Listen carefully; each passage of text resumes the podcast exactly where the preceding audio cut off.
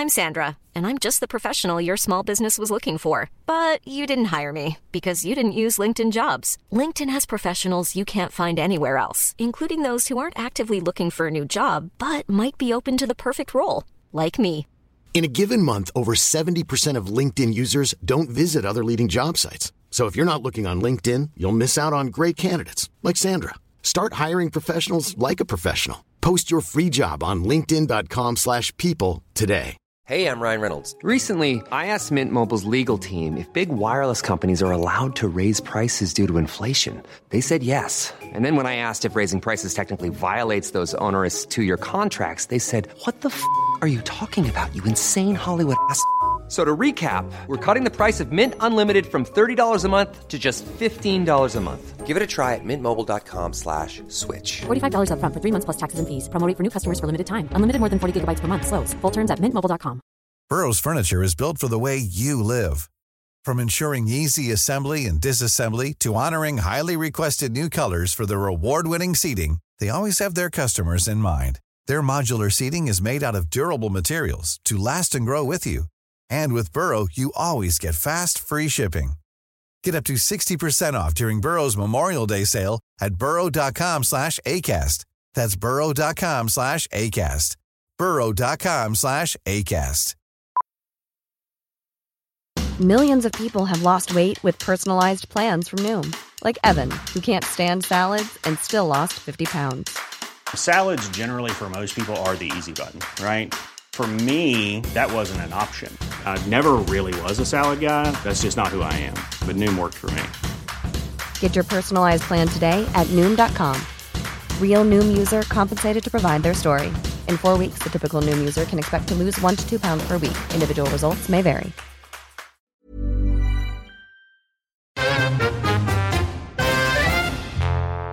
Hej och välkomna till Inte din morsas kanske första frågepodd. Vi kanske inte har marknadsfört den här frågepodden så hårt för vi har inte fått jättemånga frågor eller också är vår andra lilla analyze this att vi redan är så transparenta. Ni har helt enkelt fått höra oss fläka ut ut oss till liksom höger och vänster så att det inte finns många frågor obesvarade för er. Det, ja, så kan det vara. Eller Ja. så kan det vara som sagt att ni inte tycker att vi är så jävla intressanta. Vi vet inte, vara. det skiter vi i. Vi svarar ändå på de frågor vi har fått. Ja. Vad har du gjort sen sist? Nej, men jag vad har jag gjort? Jag har faktiskt bara försökt eh, befinna mig i solen och eh, tanka D-vitamin. Jag brukar tycka att våren är så här, kommer med krav och kommer med någon jo- jobbig jävla uppväxling som jag tycker är skitjobbig. Men jag har inte känt så i år. Jag, jag bara älskar, du vet jag har såna här ruskänslor av det här Oj. ljuset. Att jag bara, ja, jag vill bara gå ut på kvällarna och är så här, kan vi inte bara gå ut? Och jag måste få titta på liksom, när klockan är så här, över åtta på kvällen och det fortfarande är ljus så vill jag bara gå ut. Aldrig gå och lägga mig. Gud vad härligt. Så kanske jag också hade känt om inte jag hade varit instängd i en sjukhus. Men jag tänkte på dig så här, för att trösta mig, för jag är alltid orolig när du liksom är sjuk och så.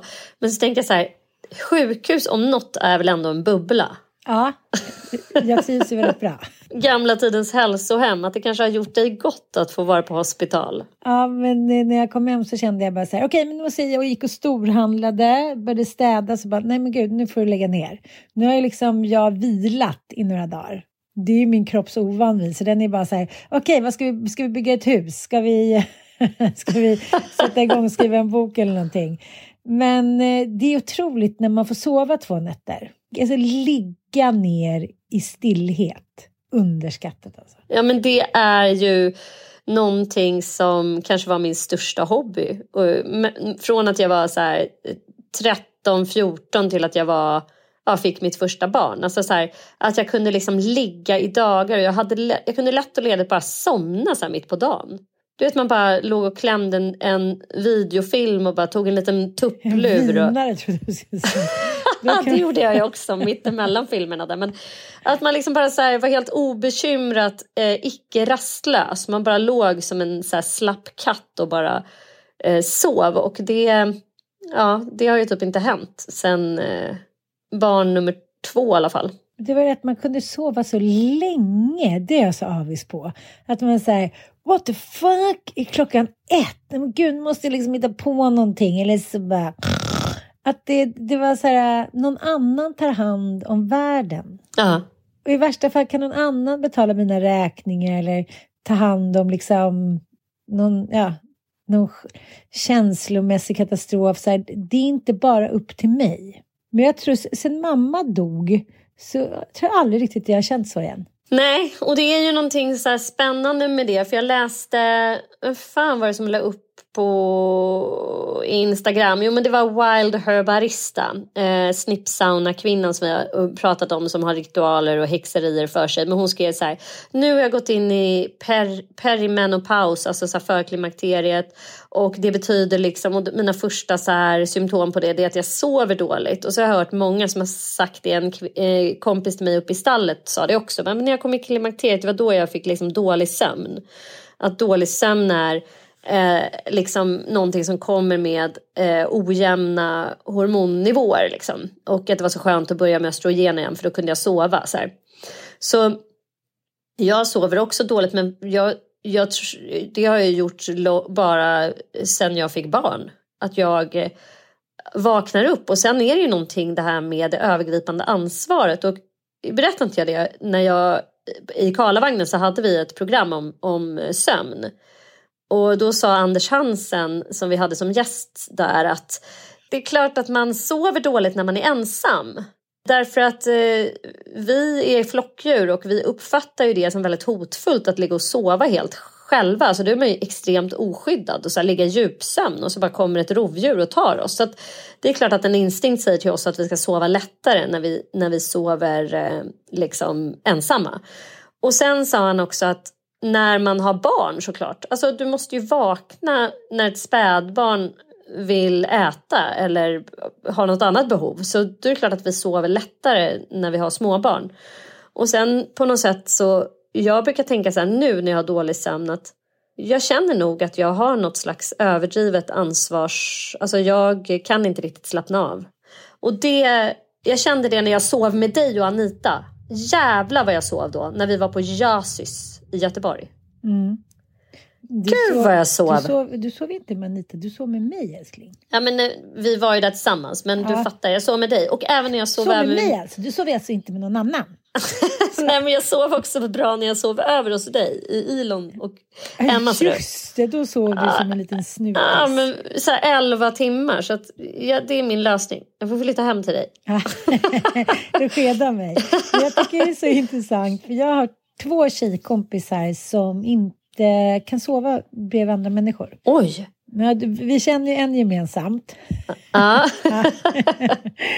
och sen så har jag eh, en annan tjejkompis och eh, när jag separerade från eh, Nanook då så hade vi två dagar där vi liksom ja, vi delade upp det så att säga. Och då sov jag ganska mycket hos den här tjejen. Mm. Och då bäddade hon alltid till mig på en så här, när jag kom innanför dörren så bjöd hon alltid på kava mm. och ost. Det var liksom, välkommen hit typ, kommer med lilla väska. Ja, det var så otroligt ungdomligt. Mm. Tror du Mysigt. en Sigge Pillis också om jag inte minns helt fel. Men det, det, kommer, det kan jag inte svära på. Och sen så precis när jag trodde att jag skulle få krypa ner i hennes underbart sköna 1,80-säng Då bara tog den där plaggen och bara... Nej. Ja, så fick jag lägga mig där. Och så, efter några gånger så här, men vadå? Uppblåsbar madrass? Ja, du vet, en, så här, ja, en rejäl doning liksom. Så det var ju inget fel och inte efter några glas kava heller. Men eh, nej, hon sa att jag eh, kan inte sova tillsammans med någon annan. När jag ser de här två kvinnorna då dra paralleller så kan jag se att båda har extremt liksom eh, svårt kanske med tillit. Har blivit svikna under barndomen. Ja, och jag tänker också kanske inte helt osökt eh, att det är eh, riktiga så här spjälsängsbarn. Att man liksom har kanske kört fem minuters metoden och att man inte har samsovit och, och då programmerar man ju någon. Jag har ju liksom ett barn som har sovit själv och det var ju Olga. Eftersom hon redan från liksom eh, föds, sen fick sova på Saxka barnsjukhuset i fem veckor själv. Mm. så jävla sjukt alltså. Mm. När jag tänker på det. Men, men så hon var ju liksom bara helt inkörd på att ligga i sin lilla plastlåda och så skulle hon sova där. Och hon vaknade ju inte, hon skrek ju inte. Utan då skulle man ju gå upp och mata då var tredje timme. Fick man ju ställa klockan. Det är så jävla bisarrt. Att få hem ett sånt barn. Och sen, och sen när det är ens första barn så man är så här, ja men då är det väl så här det är att ha ett barn typ. Hur skulle du ha gjort idag då? Eh, jag visste ju ingenting annat eftersom hon var mitt första barn, föddes för tidigt, fick bo kvar på sjukhuset i fem veckor innan vi fick ta hem henne. Och på den tiden så fick vi ju då inte sova över med henne. Så hon sov kvar på sjukhuset och vi åkte hem. Och liksom när jag fick Igor så fick jag ju åka hem samma dag som jag födde honom. Jag födde honom klockan sju på morgonen, så fick jag åka hem klockan 14. Ah. Och eh, helt plötsligt hade jag liksom ett barn som bara var besatt av bröstet och som så fort jag la ifrån mig honom i stort sett så pep han ju. Alltså han visade ju så tydligt att så här, jag ska vara på dig, jag ska vara på dig. Och mm. det hade ju inte Olga visat överhuvudtaget. Wow. Alltså de gör ju inte det för att man lär dem att så här, du är, är, här, det spelar ingen roll att du skriker. Vi kommer inte, alltså, det finns ju ingen där att plocka upp henne. Och mm. för, för tidigt födda barn, när de är födda i, under en viss vecka, har ingen sugreflex och har ju ingen reflex att skrika efter behov det kommer ju liksom med, med mognad, alltså utvecklingen av hjärnan. Så när hon kom hem så skrek hon aldrig. Och sen kom ju det sen när hon kanske var i ja, men vecka liksom 40 då, när hon skulle egentligen ha fötts. Då vet jag att vi bara oj, nu är hon missnöjd. Så att hon började gråta efter saker. Vi bara what? Så här, alltså hon hade inte gråtit innan dess. Men tyckte du, det, tyckte du att det var härligt att, att Igor behövde dig så mycket? Eller tyckte du att det var så här, men vadå, nej men gud, det här blev ju mycket. Nej men jag har funderat jättemycket på det här med hur min egen anknytning måste ha varit. För jag har känt med alla mina bebisar, dels den här känslan av att så här, nu är jag helt ockuperad. Nu kommer jag aldrig kunna vara liksom ledig eller fri eller bara mig själv. Alltså så här, en skräckblandad känsla av att vara helt ockuperad av en annan, eh, behov, alltså en annan persons behov. Och så här, känslan av kommer jag klara det här? Eh, kommer jag aldrig få gå ut själv? Eh, du vet så här, lite klaustrofobisk känsla. Men sen också naturligtvis en sån otrolig så här oxytocinpåslag. För det får man ju alltså av att vara hud mot hud med den här lilla som suger. Och liksom, det, det är ju en känsla som man blir hög på. och Det är väl naturens finurliga sätt för oss att, att knyta an. Att vi blir så jävla rikligt belönade för det eh, i form av oxytocin. Men eh, jag tror att har man själv en så här, eh, svår anknytning då kan man nog tycka att det där är jätteobehagligt. Och jag, mm. jag tror att jag, eller jag, när jag läser på om anknytning då är jag ganska övertygad om att jag har liksom en otrygg ambivalent liksom, anknytning. Att jag kunde känna mig, jag har liksom verkligen haft fysisk närhet med min mamma. Vi samsov och jag vet att hon ammade mig och så. Men jag har ju också haft en enorma, alltså hon har ju haft eh, långa perioder när hon har varit helt frånvarande. Både emotionellt frånvarande men också fysiskt frånvarande. Och på den tiden var det inga konstigheter att det är så här, nej men nu, nu åkte jag och pappa till Grankan typ när min brorsa var så här, när jag blev till. Då lämnade de ju min brorsa som då var sju månader till eh, min moster som var distriktssjuksköterska. För han eh, eh, var ju nappbarn, alltså han fick ju ersättning. Så de var så här, nej men nu ska de få åka på Teneriffa och vila upp sig. Nu kliver moster Inger in och tar hand om Kalle här en vecka. Och då blev jag till på den resan. Mm. Och det var det ju ingen som tyckte var konstigt. Att man lämnade mm. bort sin lilla bebis i några dagar och, åkte iväg. Och nu är det faktiskt nästan helt otänkbart att göra det. Jag kommer ihåg när jag var tillsammans med en kille, då kan jag ha varit 25. Och eh, hans kusin var gift med en tjej. De var lite fina och snofsiga. Och kom ihåg att de hade en riktig kris. Så de skulle åka till Maldiverna. Mm. När dottern var så här, ja men åtta, nio månader och hennes syrra skulle steppa in och för de var verkligen tvungna att åka iväg. För att de hade haft det så jobbigt och jag var så här, va? Du vet, jag fattade ingenting. Jag säger, men gud, den här be- det är typ en superliten bebis. Ska de vara ifrån henne i tio dagar? Och så kommer jag ihåg när jag själv fick barn, om någon hade sagt åt mig att jag ens skulle vara iväg liksom fem timmar från min bebis när den var åtta månader så hade jag sagt, jag, jag hade aldrig klarat, det är klart att man klarar, men jag hade aldrig tyckt att det liksom hade varit en option. Och det känner jag också när människor skiljer sig. Så bara, första året så skiljer sig väldigt många. Man bara, men vem tänker ens på att man överhuvudtaget skulle liksom gå utanför dörren ute? Det är märkligt. Jag, ja, alla är såklart olika, men det som hände nu då när jag hamnade på akuten i måndags natt. Mm. Och sen så eh, var det liksom konferens för Mattias och det var liksom akademin och fotboll och skola. Jag var så här, he, he, he. Och nu imorgon så är det någon, liksom någon annan grej på skolan och sen så ska fram, Bobo till tandläkaren. Man bara, okej, okay, men hur ska det ens vara möjligt om man... Eh, alltså det är verkligen en värld, ett samhälle som inte är skapt för att man inte ska ha far och morföräldrar, för att man inte ska ha sin partner nära. Det är liksom tough shit alltså.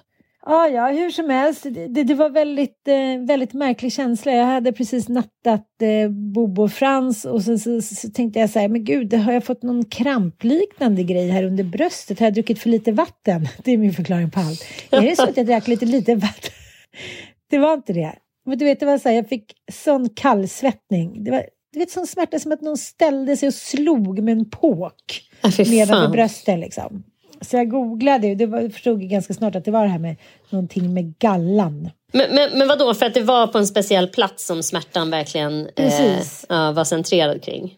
Men så vet du att ibland när det gör väldigt, väldigt ont, som till exempel när man har tandvärk. Då när man kommer till tandläkaren så säger de att liksom hålet eller liknande infektionen är på något helt annat ställe. Mm. Smärtan har liksom triplerat sig och liksom hamnat överallt. Så jag tyckte att jag hade liksom lika ont ja, men som ett bälte under brösten. Liksom, Mm. Vid revbenen. Och eh, ja, men då fick jag lite smärtstillande och låg där på akuten och då visade det sig att det då var en eh, gallblåseinflammation. Oj. Ja, men det tänkte jag säga, ja, ja men det är liksom, eh, pappa hade ju det några gånger. Jag tänkte det är ju de som amerikanska liksom junkies som äter typ ja, men, bacon och fläskfilé typ. Det där höll i sig några timmar och sen försvann det ju. Ja. Men sen har jag ju liksom, fick jag åka tillbaka dagen efter. Sen har jag ju varit där sen i tisdag. Så jag var ju liksom där från måndag till torsdag. ja. Och det var magnetkamera och det var liksom eh, ultraljud hit och de kunde liksom inte se om de här stenarna, då, gallstenarna som jag hade, om de hade vandrat ut i gallgångarna. Mm. Ja, det var ett jävla halabaloo i alla fall. Men sen så visade det sig till slut att liksom värdena gick ner. Och jag bara tänkte när jag låg där och gjorde det ultraljudet. Och hon sa ja men det är höga levervärden. Och eh, ja, hon gick omkring och jag kände så här. Ska det här ha varit mina sista sex månader i livet? Mm. För fan vad ruttet om det är så.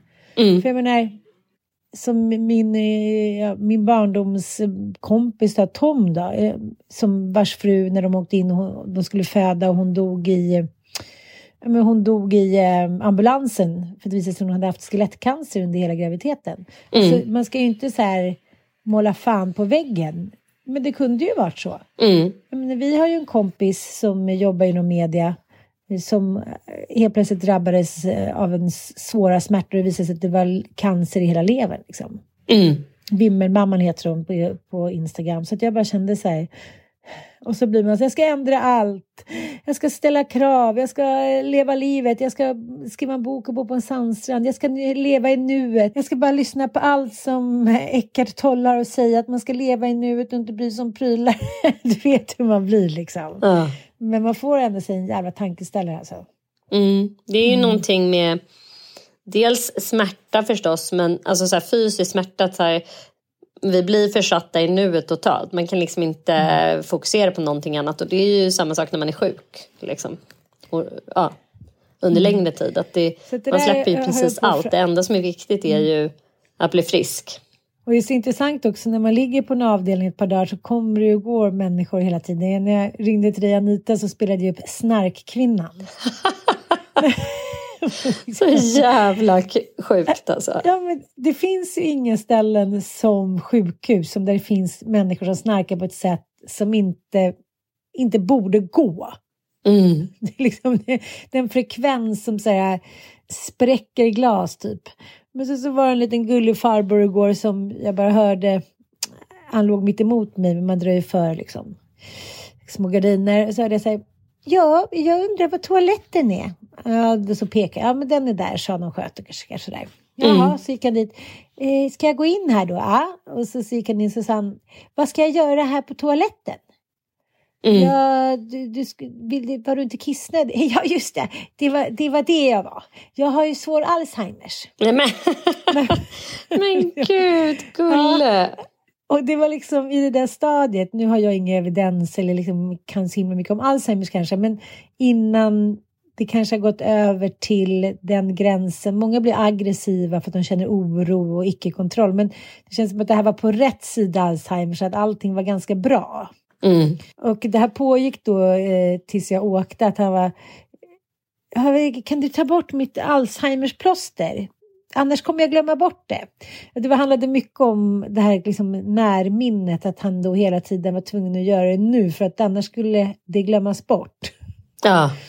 Ja, det är ett jäkligt speciell sjukdom alltså. Men, men vad är det som... Alltså vad har det landat i? Du är nu tillbaka hemma. Eh, du, eh, inflammationen är liksom hävd eller vad? Ja, men, men informationen är liksom, värdena är bättre. Ste, det verkar som att sten, stenarna eller stenen som de var rädda hade gått ut då i gallgångarna. Den, det är den, eller de, som har lossnat under mitt gallstensanfall. Aha. Ja, du vet, kom du ihåg förut så kunde man sitta på jobbet så satt någon med liksom några små stenar i en burk och man var så här, jaha, vad är det där för någonting? Ja, det är mina gallstenar. Man bara. Nej, Vad vad, är det för jävla arbetsplats du har haft? Vad är det? Ja, det var en kille, en, tjejkompis till mig, hennes kille hade sina gallstenar i en liten liksom, glasburk vid sin dator. Äh, fy fan vad stört. Vad är det ens? Alltså, vad, är, vad är gallstenarna gjorda av? Ja, de måste ju vara gjorda av det som inte kan brytas ner av eh, levern då. Socker, fett, baconsluringar. jag vet inte. jag är jävligt dålig. Men vet du hur jag fick det? Vet Nej. du hur anfallet kom? Enligt liksom vår egen teori. Vi var på ett snabbmatsställe och så säger de så här, ja ah, nu kommer er mat ta ett tag, vill du ha någonting?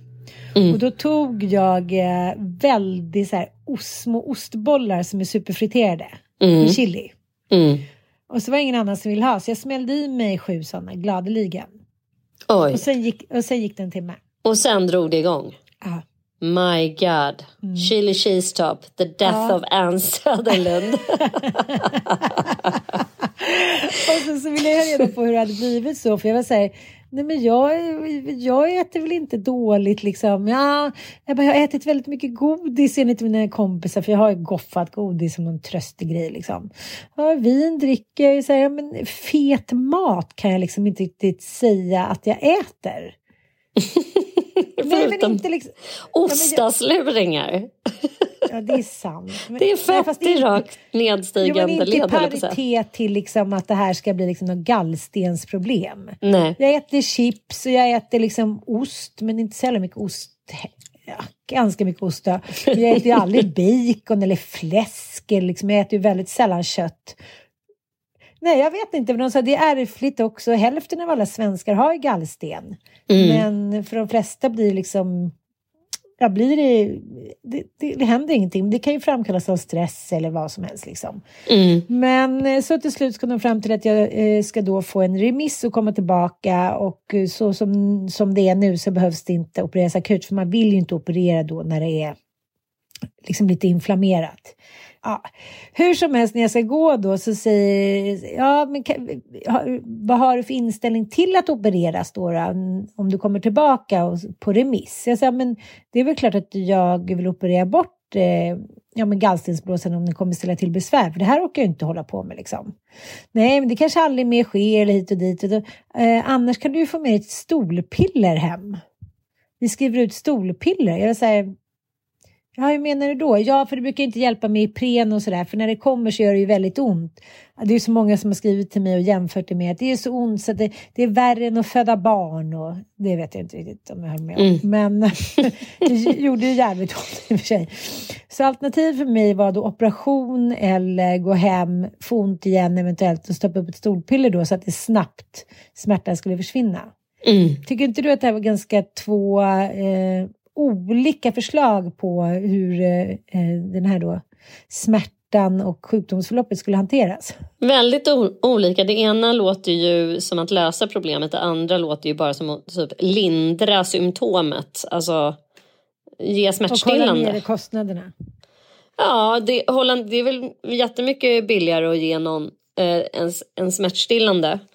Extremt liksom kontraproduktivt tänker jag. Men, men det är väl någon typ av eh, eh, alltså förfarande bara så det ser ut. Alltså, det kan ju vara så att det bara var en gallsten eh, och att den nu är borta och att du slipper det här igen och att du kan självläka eller vad man ska säga. Annars skulle de väl inte ha sagt så? Eller vad, kände du att det var bara så här, nu ska vi spara in på Anna? Nej, men det var väl lite så här, det var en ung läkare, det behöver ju inte ha någonting med snart kunna göra. Men, men konstaterandet var då att ja, det, det, kan ju återkomma och ställa till besvär lite då och då.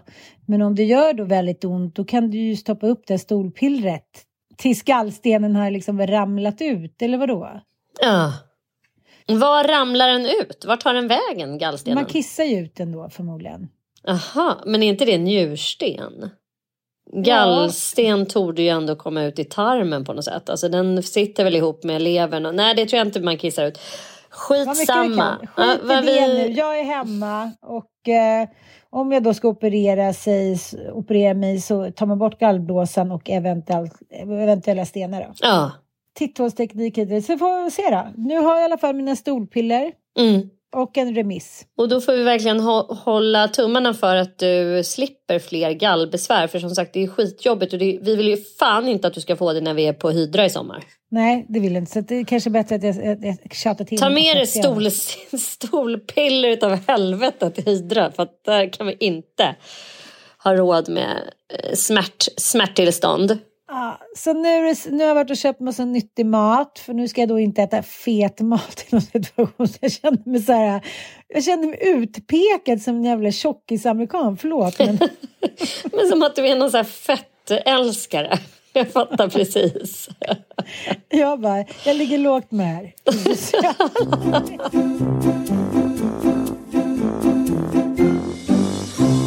Men apropå det här med att ha barn och samsovning och liksom anknytning så har jag under veckan tagit del av en eh, bloggtext som Sandra Beijer då har blivit väldigt, eh, vad ska man säga, både älskad och hatad för.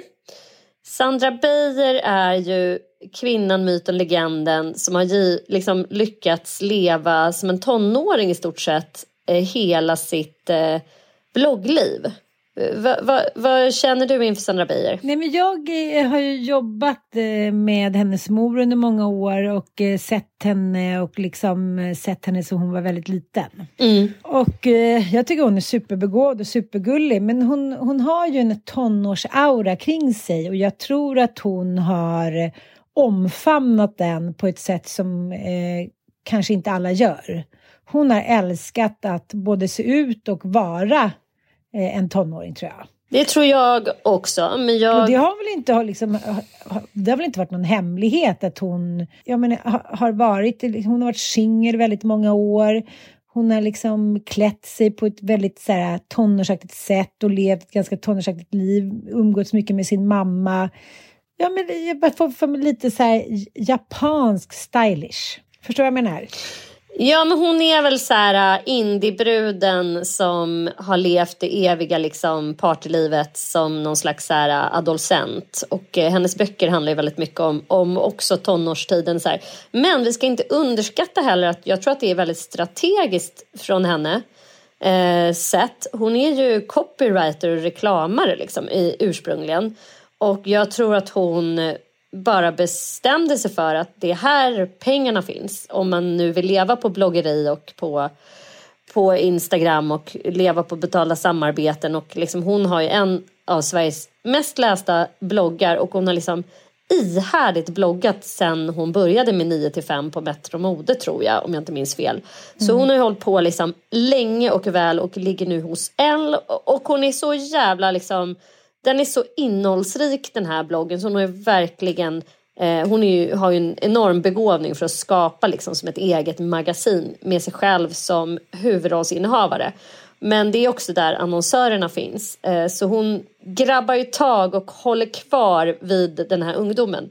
Men det som har hänt i hennes liv här sista året är ju faktiskt att hon har fått ett barn. En jättegullig liten kille. Och eh, senaste året har ju hennes blogg i stort sett bara handlat om att hon har vandrat runt på Stockholms gator, gjort barnvagnspromenader och ätit olika luncher, ofta bestående av korv.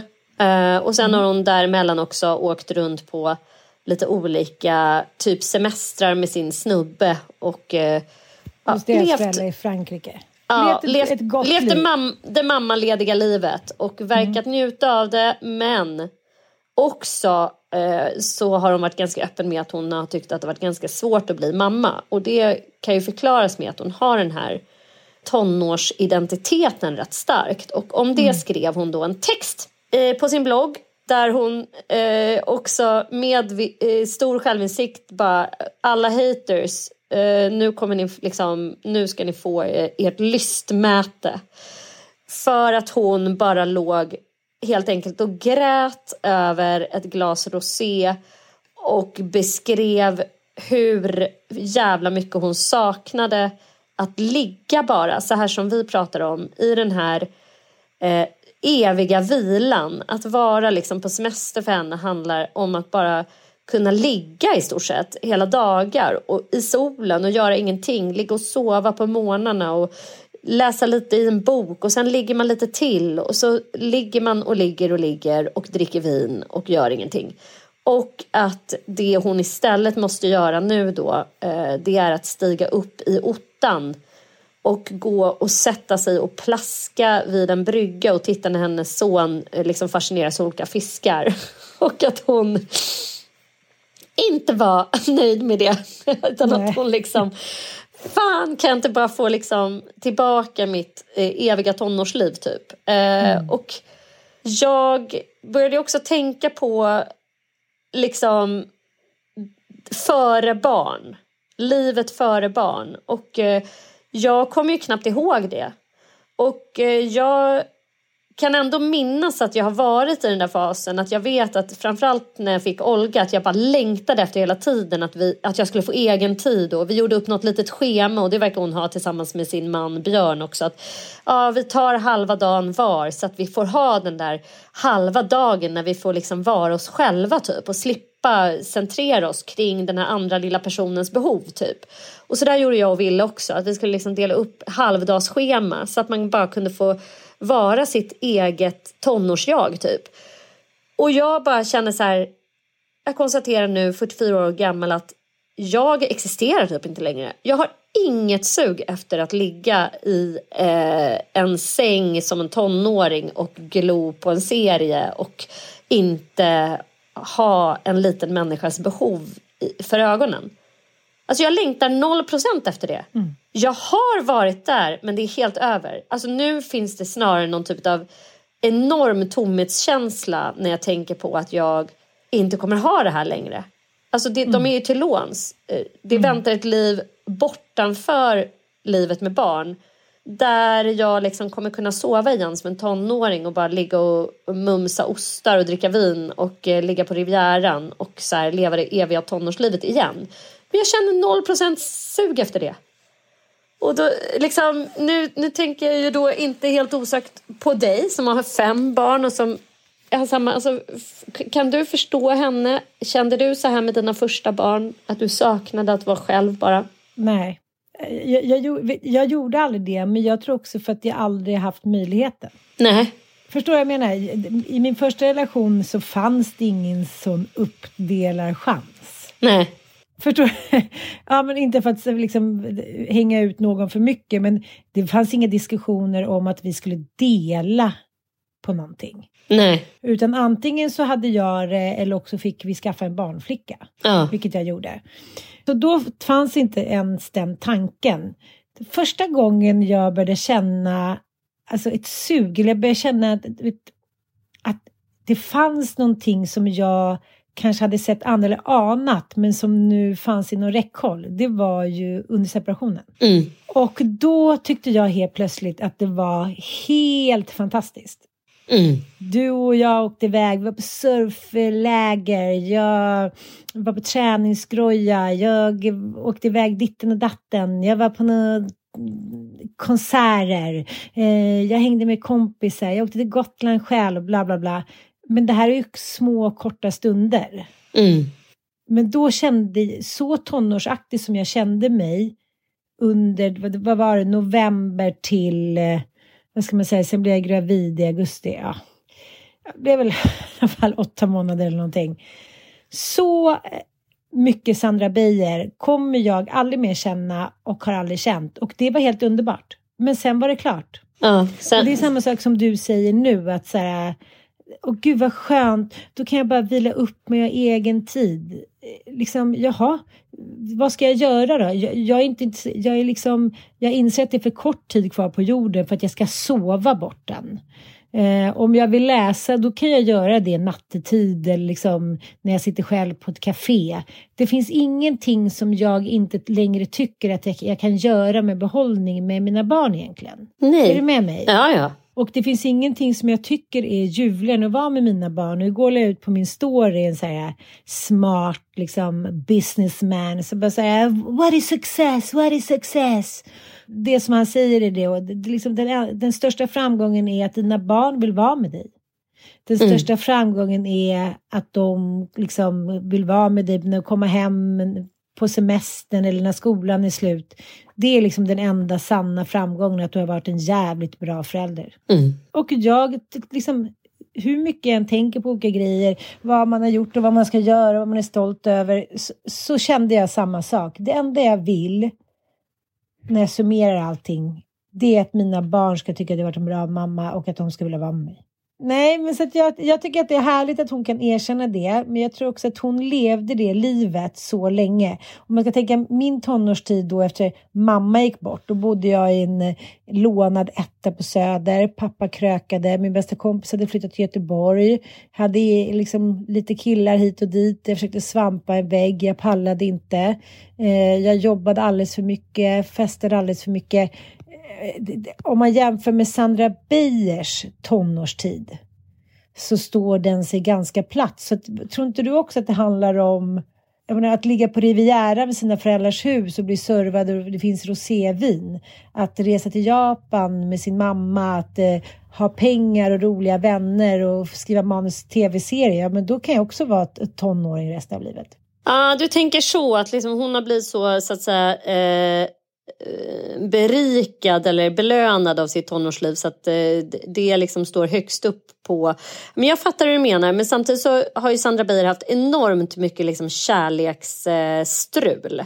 Det är också ett kännetecken eller ett hennes så här, ja men det är liksom utmärkande för hennes blogg att är det någonting hon har delat med sig av så är det eh, alltså kärlekssorg. Hon har blivit dumpad på helt brutala sätt. Och, alltså så här, det hör ju också till tonåren att, hon, att man eh, letar efter kärlek och man letar efter någon att eh, dela sitt liv med och att ja, på något sätt liksom eh, vad ska man säga, bonda med.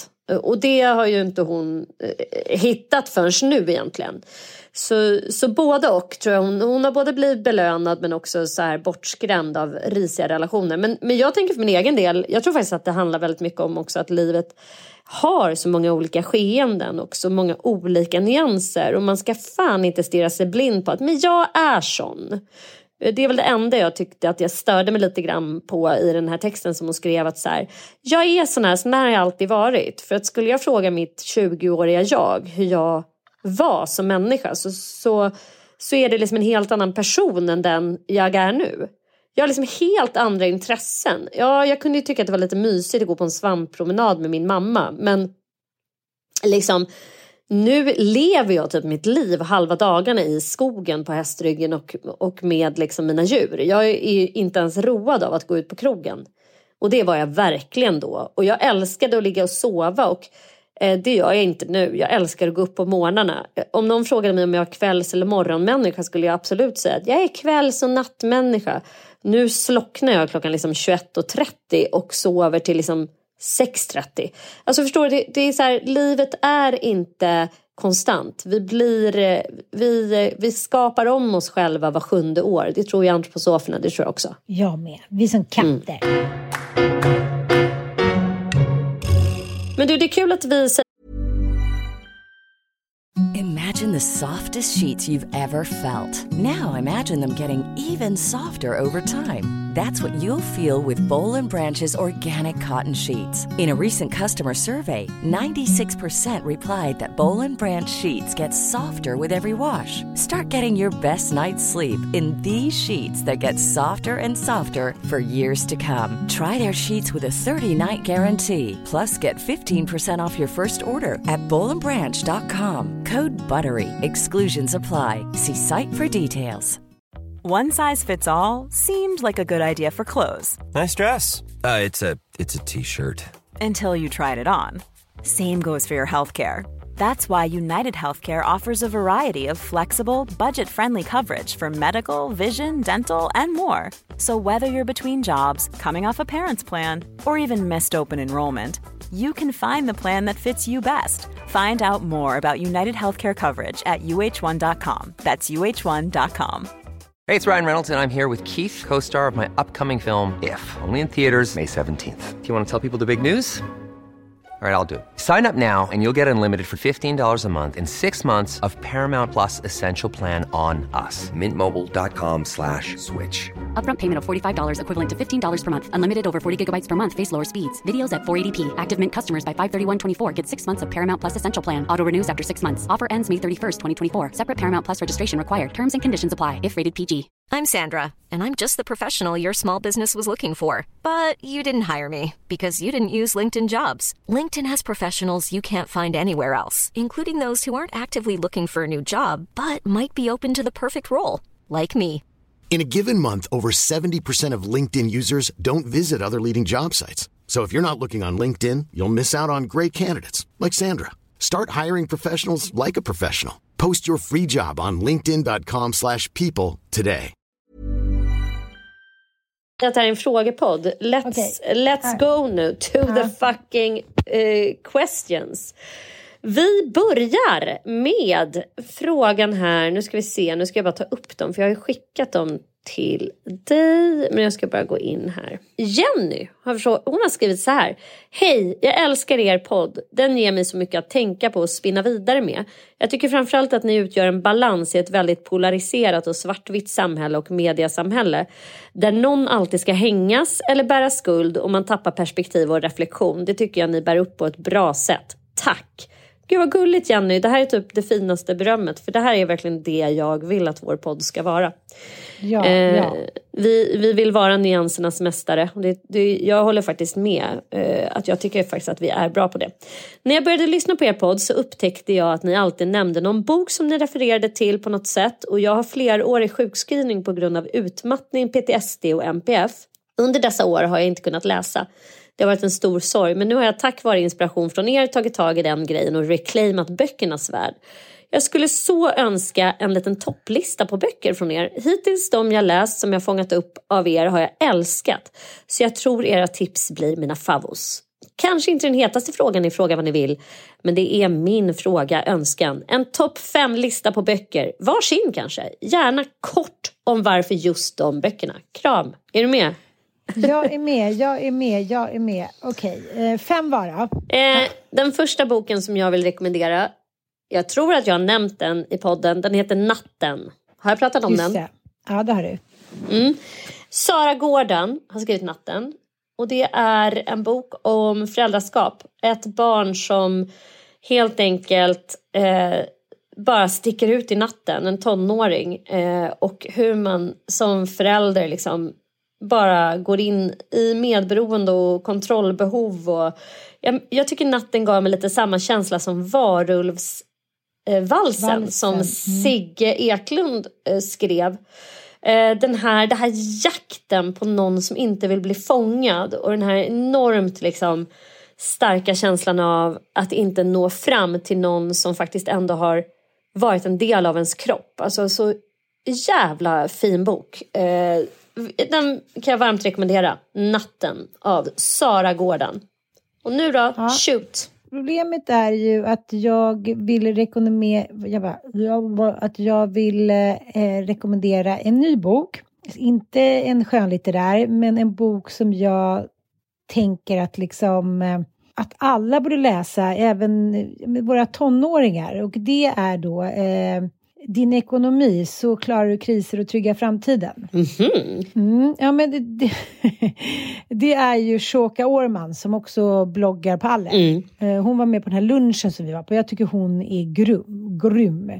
Hon har ju så här jättelång erfarenhet inom finansbranschen och eh, hon ger ju tips och råd hela tiden. Varenda morgon känns det som på SVT och bla bla bla. Hur man kan bli liksom spara pengar, hur man ska vara strategisk och eh, liksom, i den här boken så är det som en liten kombo av hur man ska eh, kunna hantera sin egen ekonomi, spara pengar, se, liksom, se sin framtid an. Och sen så hur så ställer de den i liksom paritet till då den stora makroekonomin, förstår du?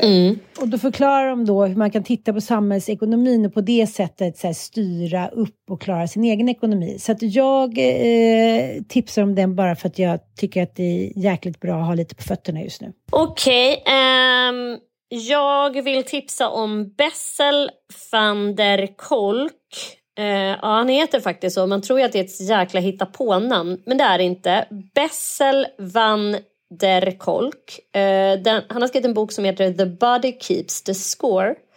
Och det man kan eh, säga om den här boken som också går att lyssna på på Storytel, eh, det är att trauma är väldigt vanligt i vårt samhälle. Att flashbacks kan då få människor att tro att man liksom är galen eh, och, och att ångest ofta är då eh, kroppens sätt att eh, ja, man helt enkelt minns eh, saker och händelser som inte hjärnan minns och därför så får man ångest vid kanske för en själv då eh, märkliga tillfällen. Alltså det, det är en bok om hur trauma påverkar oss och den är, är man det minsta intresserad av trauman så kan jag verkligen rekommendera den här boken. Den, den har varit liksom förändrat mitt liv kan jag säga. Har den? Gud vad intressant. Mm. Jag skulle faktiskt vilja tipsa om, även om det är en bok som eh, inte kanske är liksom helt eh, fresh and dandy, så skulle jag eh, vilja tipsa om eh, ja, men Zlatan-biografin. Ja. Att läsa den, eh, det har jag börjat göra, att läsa den högt för sina pojkar. Mm. Och eh, prata om drömmar, vad som krävs för att nå sina drömmar och eh, liksom hur människor lever, har olika förutsättningar.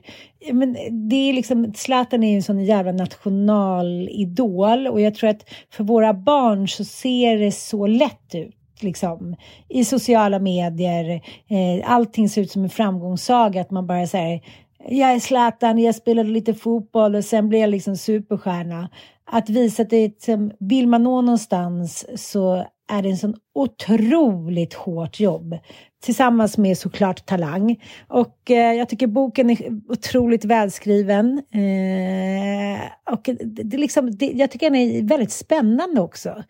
Det är lite som en thriller. Jag kommer ihåg när du och jag träffade David då, eh, som är författaren och eh, han ville så gärna, han visste om den här storyn om att hans pappa hade varit våldsam, att det aldrig fanns någon mat hemma. Han visste att den fanns där, men Zlatan ville inte dela med sig av den.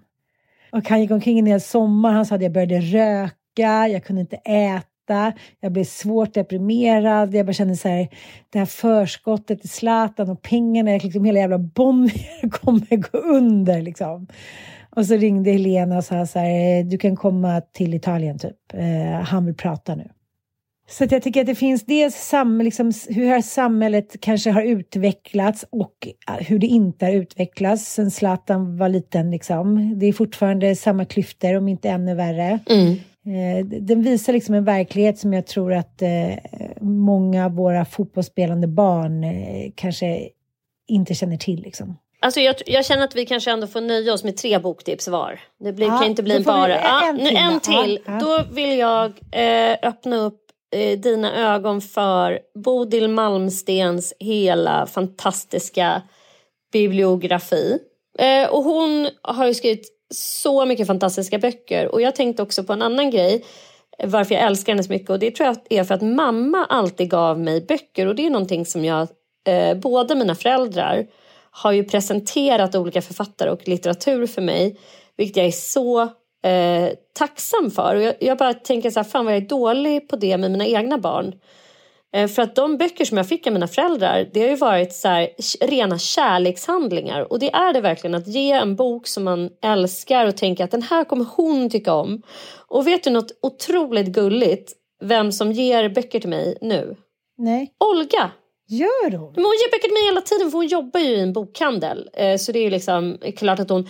Men hon är ju så här, hon läser ju så jävla mycket så hon är så här, åh jag, jag vet att det är hon som har givit natten till mig till exempel.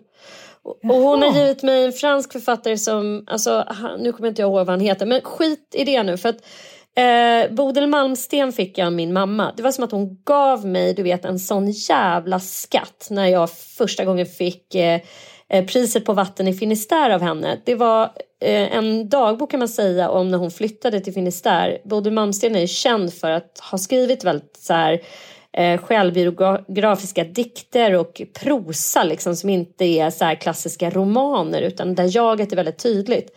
Och 2004 gav han ut Mitt första liv, Den gudarna älskar dör inte, en självbiografi om tiden i Jämtland. Uh, alltså hon är helt underbar. Hon har också skrivit en bok som heter Så här gör jag, tror jag. Det är en bok om eh, skrivande. Alltså hur hon eh, skriver. Så gör jag, heter den. Eh, och de, den handlar om, om skrivande, alltså om författande. Lite som Marguerite Duras har ju också skrivit en bok om liksom, hur hon skriver. Och det är ju alltid fascinerande om man själv är intresserad av att skriva. Ja, och så tar jag den sista då. Eh, det är en bok som jag hittade i eh, en väska som jag packade upp. Det är populärvetenskap, som du och jag, vi gillar ju allting som, som det står populär framför. Mm-mm. Populärvetenskap, populärpsykologi.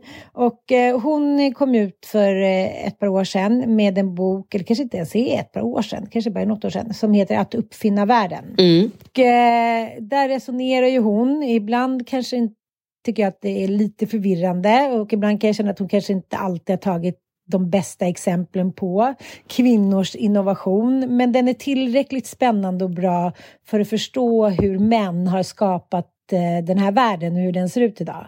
Allt från skönhet till att det tog 5000 år innan vi satte på eh, hjul på en resväska. Mm. För att männen skulle bära runt va? Mm. och vara manliga med resväskan. Och liknande. Så att det, det handlar helt enkelt om innovationer och uppfinningar som kvinnor har gjort och som gjordes men sen som liksom röstades ner, liksom rationaliserades bort i, in the name of manhood. Jag tänker också på eh, elbilen som kom redan på 1800-talet, slutet av 1800-talet. Det var inte tillräckligt manligt var det, för då fick man liksom inte stå och få kukförlängare och veva igång den här. liksom. Det lät inte, man fick inte visa musklerna utan det var ju liksom.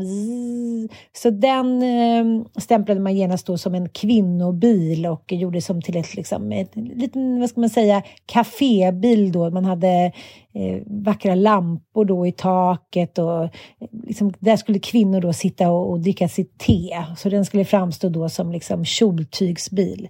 Ja, spännande att se kvinn, eh, läsa om kvinnliga pionjärer inom eh, innovation och uppfinning, vilket jag tycker är väldigt kul. Okej, vi kör vidare här raskt med nästa fråga. Här har vi en tjej som vill vara anonym. Hon säger så här, anser ni att det går att fortsätta att ha en relation med en person som har bipolär plus OCD sjukdom alltså, men som inte vill ta någon hjälp för det? Personen i fråga kräver dock mycket hjälp och anpassning. Hur kom det sig att Sanna valde att stanna hos Micke? Eh, jag tänker så här att det här är verkligen liksom i fråga eh, i eh, eh, varje enskilt fall. Men mitt råd till dig, om det är du som undrar över ska jag stanna eller ska jag gå? det är faktiskt att bolla det här tillsammans med en terapeut för att försöka ta reda på varför du stannar, eh, varför har du liksom ett sånt starkt behov av att vara kvar i den här relationen eller ska jag gå? Alltså, jag tror inte det finns några raka, klara svar på den här frågan men för min egen del, eh, för mig så handlar det väldigt mycket om dels att det finns en självinsikt, alltså att man går med på. Jag har ju haft flera relationer med sjuka personer som har haft olika psykiatriska diagnoser och det är inte bara kärleksrelationer utan jag tänker ju till relationerna med mina föräldrar också och även vänner. För mig är det så viktigt med transparens, öppenhet och att man faktiskt eh, delar samma narrativ. Det vill säga du är sjuk just nu. Eh, ja, jag är sjuk just nu. Och vi försöker förhålla oss till det på olika sätt. Förnekelse har jag personligen väldigt, väldigt svårt för. Och det är det som har fått mina relationer att eh, gå sönder. Alltså oavsett om det är med vänner, föräldrar, syskon eller i kärleksrelationer. Det är när förnekelsen kliver in. Eh, det står jag liksom bara inte ut med. Och Eh, ja, och, och, i min relation till min man, eh, mina barns pappa, så handlar det ju väldigt mycket om det. Att han är med på att han har den här diagnosen och att han försöker ta ansvar för den. Och eh, ett symptom på sjukdomen är att man inte alltid klarar det eh, när man är så att säga i ett skov. Men att han ändå återkommer till att jag är sjuk och jag måste ta ansvar för det. Det har gjort att jag har stannat i den här relationen. Eh, jag vet inte hur det hade sett ut annars, men det är liksom svaret på frågan. Ja, så har jag fått en eh, fråga som många verkar jäcka många där ute. Varför han aldrig sätter upp håret? ja! det är så kul ändå att man bara... Ja. ja hela tiden. Och det finns tre eh, väldigt tydliga svar på det. Ett, eh, min mamma, eh, inte pappa kan jag tänka mig, min mamma klippte alltid mitt hår när jag var liten. När det började bli lite längre så var det liksom, skulle klippas av i någon bekväm pojkaktig frisyr. Eh, vilket gjorde att när jag väl skaffade långt hår på högstadiet så har det blivit väldigt mycket av min identitet. Jag tycker väldigt mycket om hår. Två, eh, när jag såg min mamma tappa sitt hår under sin eh, cancerbehandling så såg jag hur, eh, hur det på något sätt, eh, hennes, liksom, vad ska jag säga, ande, hennes själ, hennes ande, hennes, mycket av hennes styrka gick bort från henne. Och eh, jag tror att det är därför att jag då på något sätt vill ha mitt hår utsläppt för någon form av, eh, ska säga, kraft eh, kraftbevis, lite som Samson i Bibeln. Liksom. Någon klippte, de klippte av honom håret, han var liksom den starkaste krigaren och sen så när han låg och sov eller, så klippte de av honom håret och då försvann all hans kraft. Eh, nummer tre handlar väldigt mycket om fåfänga. Jag tycker inte eh, att jag är särskilt snygg i uppsatt hår. Nu när jag ligger på sjukhus så har jag haft liksom en liten tofs på huvudet och sen direkt på morgonen då har jag gått in på toaletten, släppt ut det. Eh, det jag, jag trivs inte i det bara. Ja, that's it. Hej, tack för en underbar podd. Här kommer en inte så djup fråga till Frågepodden. Vilka skönhetsingrepp och behandlingar har ni gjort och kan rekommendera och vilka avråder ni ifrån? Allt gott! Okej, okay, jag kan börja. Ja. Jag har gjort eh, dels så här, en typ av fillerbehandling som man gör för att återfukta huden. Jag kan inte nämna några preparat för det får man inte göra. Det är, man får inte marknadsföra liksom, eh, medicinska preparat. Så här. Men det är liksom en väldigt lättflytande hyaluronsyra som man injicerar under huden. Jag gillar inte riktigt det resultatet. Eh, det ska liksom inte synas utan det ska bara vara en känsla av att man blir lite så här puffy och lite fast i hyn. Men jag, jag tycker inte att jag passar så fint i det. Så jag tror inte jag kommer göra det igen. Sen har jag ju naturligtvis gjort, eh, sprutat in det här bedövande ämnet. Här kan jag inte heller nämna några namn. Eh, men det är alltså ett, eh, någonting som bedövar ansiktsnerver. Ni vet vilket, vad jag menar, alla ni som lyssnar.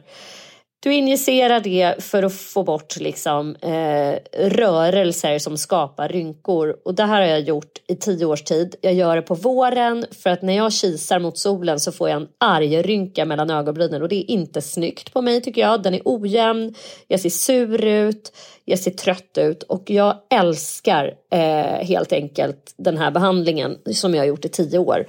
Ingen, inte ens vilda hästar kommer stoppa mig från att fortsätta. Ja, men så är det.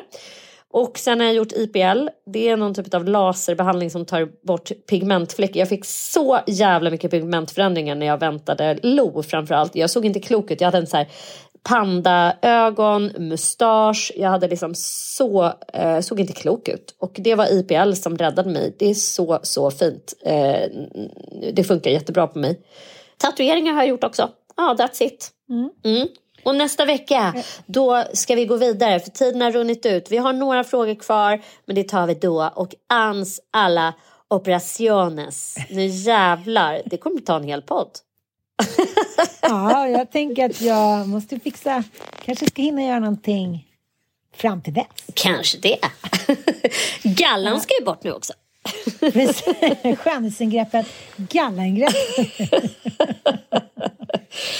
ja, puss Tack och kram alla som lyssnar. Puss. Hejdå.